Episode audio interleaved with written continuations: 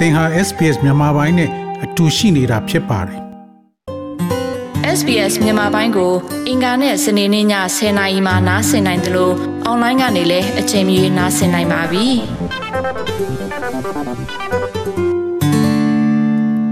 သောရရှိမြခင်ဗျာယူကရိန်းတိုက်ပွဲတွေပြင်းထန်နေတာကြောင့်ဆုရအမေရိကန်သတင်းထောက်တဦးသေဆုံးပြီးဓာတ်ပုံဆရာတဦးဒဏ်ရာရရှိခဲ့ပြီးလူသန်းပေါင်းများစွာကို အိုးအိမ်ဆွန့်ခွာထွက်ပြေးခဲ့ရပြီးထောင်ပေါင်းများစွာဒဏ်ရာရခဲ့ပါတယ်။ဆုရအမေရိကန်ရုပ်ရှင်ထုတ်လုပ်သူနဲ့သတင်းတောက်တူဖြစ်တဲ့ Brent Reynolds သည် Kiev အပြင်ဘက်ရှိ April မြို့၌ရုရှားတပ်ဖွဲ့ဝင်များရဲ့တပ်ဖြတ်တာကိုခံခဲ့ရပါတယ်။ယူကရိန်းနိုင်ငံမြို့တော်ရှိစေယုံတစ်ခုတွင်လက်ရှိကုသမှုခံယူနေတဲ့ဓာတ်ပုံသတင်းထောက် Julian Arredondo သည် American ပြည်ထောင်စုမှ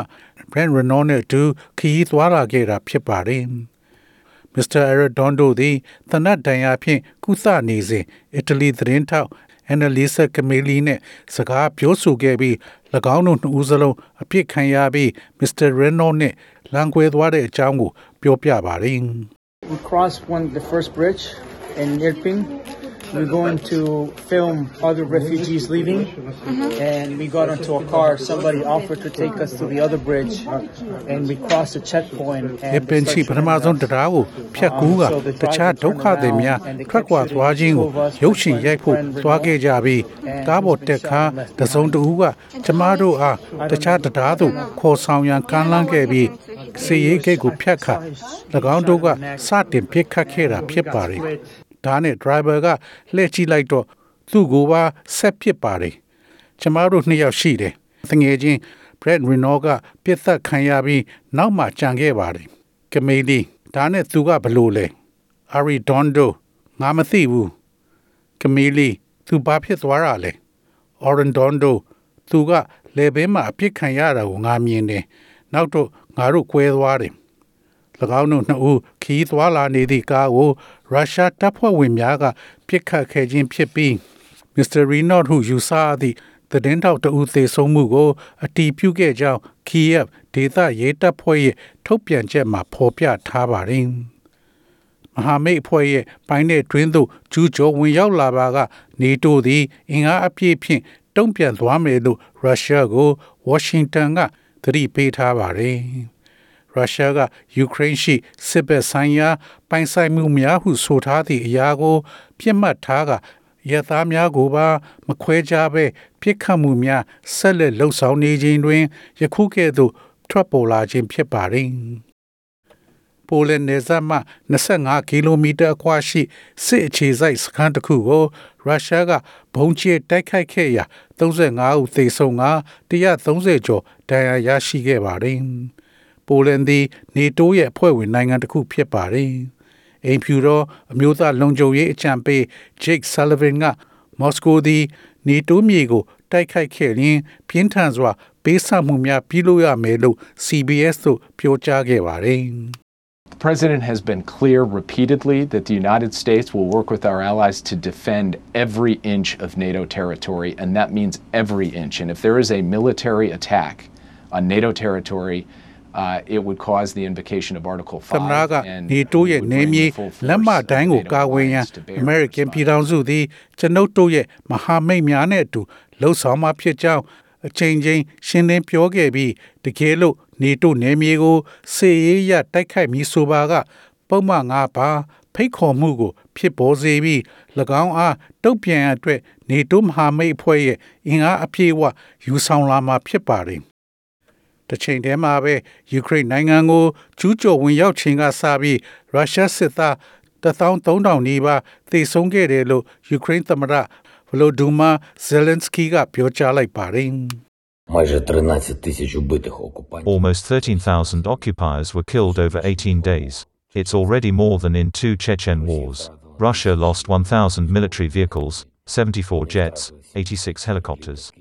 We understand that ဆက်ရှိရဲ့အတွင်းကျူးကျော်သူတသိန်း3000နီးပါးသေဆုံးခဲ့ပါတယ်။ Chechen စစ်ပွဲနှစ်ခုထက်ပိုနေပါပြီ။ရုရှားနိုင်ငံရဲ့စစ်ရင်အစီးတစ်ထောင်ကျော်ဂျက်လေရင်84စင်းရဟတ်ရင်86စင်းဆုံးရှုံးခဲ့ပြီဖြစ်ပါတယ်။သူတို့မှာလက်နဲ့ပိုရှိတာကိုကျွန်တော်တို့နားလဲပါတယ်ဒါပေမဲ့ကျွန်တော်တို့ကိုယ့်ကိုယ်ကိုဆက်ပြီးကာကွယ်သွားမယ်ဆိုတာကိုလည်းနားလဲစေခြင်းပါတယ်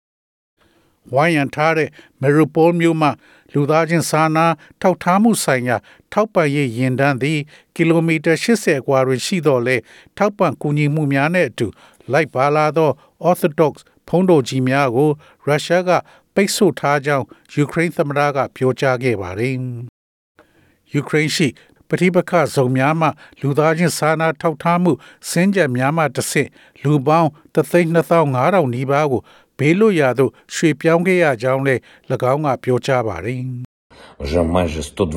We evacuated almost 125,000 people and brought them to safe territory via humanitarian corridors. The key task for today is Mariupol, our humanitarian cargo.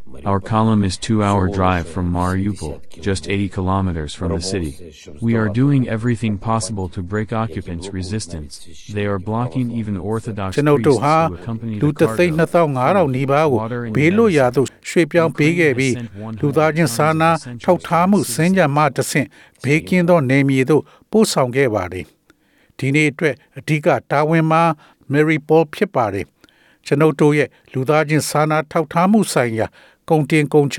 ကျွန်ုပ်တို့ရဲ့စစ်ကြောင်းသည်မြို့နဲ့80ကီလိုမီတာသာဝေးသော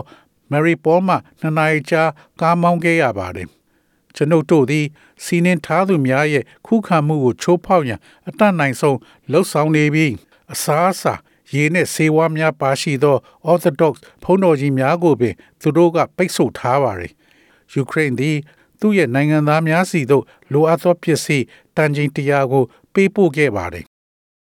ရုရှားကာဝေးဝန်ကြီးဌာနမှပြောရေးဆိုခွင့်ရှိသူတဦးကယူကရိန်းစစ်အခြေစိုက်စခန်းကိုခရမလင်လေကြောင်းတိုက်ခိုက်မှုကြောင့်နိုင်ငံခြားခြေစားစစ်သား180ထဲမှနဲ့တေဆုံးခဲ့ကြောင်းပြောကြားခဲ့ပါတယ်။မော်စကိုသည်နိုင်ငံအနောက်ပိုင်းလာဘစ်ဒေသရှိစတာချီနဲ့ယူရိုဗစ်စစ်အခြေစိုက်စခန်းရှိယူကရိန်းစစ်တပ်လေ့ကျင့်ရေးစင်တာများကိုတိုက်ခတ်ခဲ့ကြောင်းအာဂိုကွန်ဒရှန်ကော့ဖ်ကပြောကြားပါတယ်။ In the morning of the 13th of March, long-range smart weapons attacked training centers of the Ukrainian armed forces in the settlement of Starichi and at the Yavoriv military base.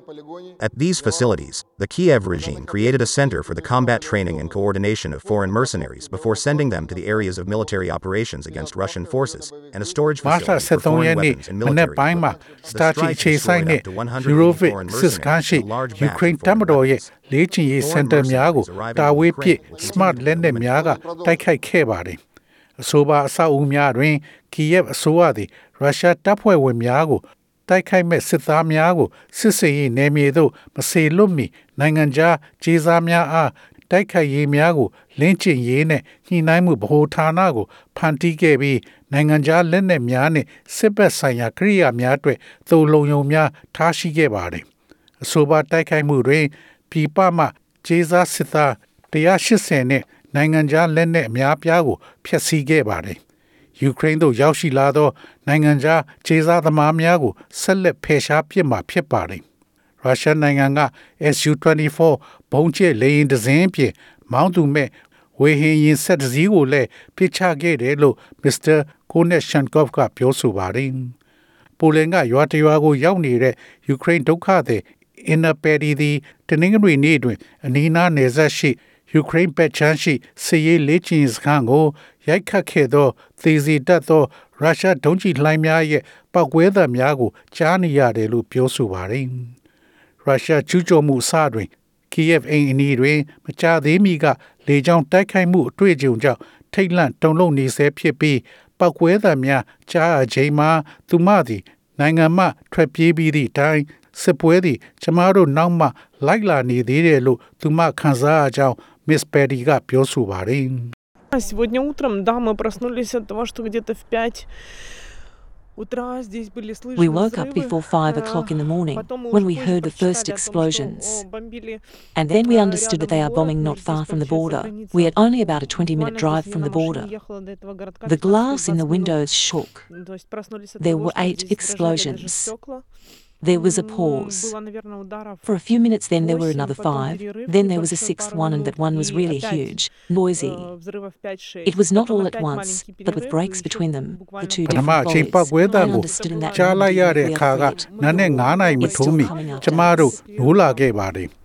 နေစားနဲ့မနီဝေမှာဘုံကျင်းနေရဆိုတာကျမတို့နားလဲပါတယ်နေစားကနေမိနစ်20လောက်ပဲကားမောင်းရတယ်ပြင်းပေါက်ရှိမှန်များတုံခါသွားပါတယ် ပောက်ကွဲမှုရှစ်ကြိမ်ဖြစ်ပွားခဲ့ပါတယ်ကျမတို့ခိတ္တနားခဲ့ပါတယ်မိနစ်အနည်းငယ်ကြာပြီးနောက်နောက်ထပ်5ခုထိုးနောက်6ခုမြောက်တစ်ခုပောက်ခွဲကထိုတစ်ခုသည်အမှန်တကယ်ကြီးမားတဲ့ပောက်ကွဲဆူညံတံကိုဖြစ်စေပါတယ်တစ်ချိန်တည်းမဟုတ်ပဲဂျားမှာကွဲလွဲမှုတွေနဲ့ကျမတို့လွတ်မြောက်နေရင်စစ်ပွဲက ကျမတို့နောက်ကိုလိုက်လာနေသေးတဲ့ဆိုတာကို ကျမနားလဲပါတယ်မစ္စပယ်ရီသည်ကလေးနှစ်ဦး၎င်းရဲ့ခင်ပွန်းနှင့် မသန်မစွမ်းမိဘများနဲ့အတူယူကရိန်းမှလွတ်မြောက်ခဲ့ပါသည်။ယခုသူမနှင့်သူမမိသားစုသည်ယူကရိန်းနယ်စပ်နှင့်ပိုလန်နယ်စပ်2ကီလိုမီတာမှရှိတဲ့ VLK Olsi ရှိမိသက်စခန်းတွင်တဲခုန်နေကြပါသည်။သူမနှင့်ခင်ပွန်းဖြစ်သူတို့သည်ညဘက်တွင်စိတ်ငြိမ်အောင်လက်ဖက်ရည်တောက်ခြင်းကိုရှောင်ကျဉ်နေကြပြီးဘာကြောင့်လဲဆိုတော့သူတို့အနေနဲ့သတိရှိရန်လိုအပ်တယ်လို့ခံစားရသောကြောင့် အိပ်ပျော်သွားမှာကိုရှောင်ကျဉ်ခဲ့တယ်လို့သူမကပြောဆိုပါတယ်။နေတို့အဖွဲ့ဝင်နိုင်ငံတစ်ခုနဲ့နီးကပ်လွန်သောတိုက်ခိုက်မှုသည်မဟာမိတ်အဖွဲ့အားတိုက်ပွဲထဲသို့ဆွဲသွင်းနိုင်ပြီးစီအေးခေတ်ပြိုင်ဘက်ဟောင်းများကို ပြန်လည်အသက်သွင်းကလက်ရှိကမ္ဘာလုံခြုံရေးကို ပြန်လည်ရေးသားမဲ့ပဋိပက္ခတွင်သင်္ကေတလက္ခဏာများဖြင့်ပြင်းထန်လာစေရန်မြင်ကွင်းကိုမြင့်တင်ပေးခဲ့ပါတယ်။ ရုရှားနိုင်ငံမှခရုဇ်ကြီးစံ30ကျော်သည်ယူကရိန်းစစ်သားများကိုလေ့ကျင့်သင်ကြားရန်ကာလကြာရှည်အသုံးပြုခဲ့တဲ့စက်ရုံကိုအမေရိကန်နဲ့အနောက်မဟာမိတ်နိုင်ငံများမှသင်တန်းပို့ချသူများကိုမကြာခဏရုရှားကပြစ်မှတ်ထားပစ်ခတ်ခဲ့ပါတယ်။ပိုလန်သည်ယူကရိန်းသို့အနောက်နိုင်ငံများရဲ့စစ်ရေးအကူအညီအတွက်ဖြတ်သန်းရန်လမ်းကြောင်းတစ်ခုလည်းဖြစ်ပြီးတိုက်ခိုက်မှုများသည့် အဆိုပါသင်္ဘောများကို ပြစ်မှတ်ထားရန်မော်စကိုကချိန်ချောက်နေတာကိုခံခဲ့ရပါတယ်။တော်ရရှိမြခင်များ SBS သတင်းဌာနက SM Ali Galib ရဲ့ဆောင်းပါးကိုဘာသာပြန်တင်ဆက်ပေးထားတာဖြစ်ပါတယ်ခင်ဗျာ။ SBS Radio App ကို download လုပ်ပြီးနားဆင်မှတ်ချက်ပြုနိုင်ပါတယ်။ဒါ့ရိုက်သို့မဟုတ်အချိန်မီနားဆင်နိုင်ပါပြီ။ စက်တမ်းမှာပါဝင်နိုင်သလိုဆက်သွယ်မှုလည်းပြုလုပ်နိုင်ပါတယ်။ Google Play ဒါမှမဟုတ် App Store မှာအခမဲ့ရယူနိုင်ပါပြီ။